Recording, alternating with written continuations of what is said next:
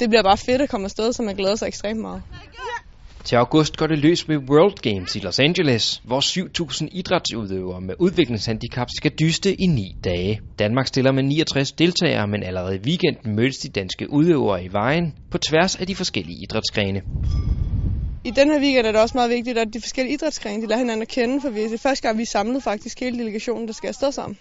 Og så fællesskab, og så igen, de sidste ting skal måske pusses af i det sidste samling, inden vi skal afsted.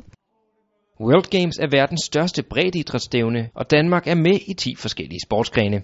I badminton stiller blandt andet mixdoblen med Adam Bidstrup og Rie Pilgaard op, og de glæder sig til en stor oplevelse. Det er første gang, jeg skal afsted, så det, så det, det bliver meget sjovt, synes jeg. Det, glæder mig så lang tid til, så det, det men så er det en, ens drøm går lidt i opfyldelse.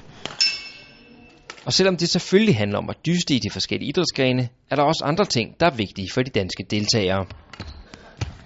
Hvis nu man kunne blive venner med nogen fra Spanien for eksempel, og skrive til hinanden, eller ja, og så kunne det være meget sejt.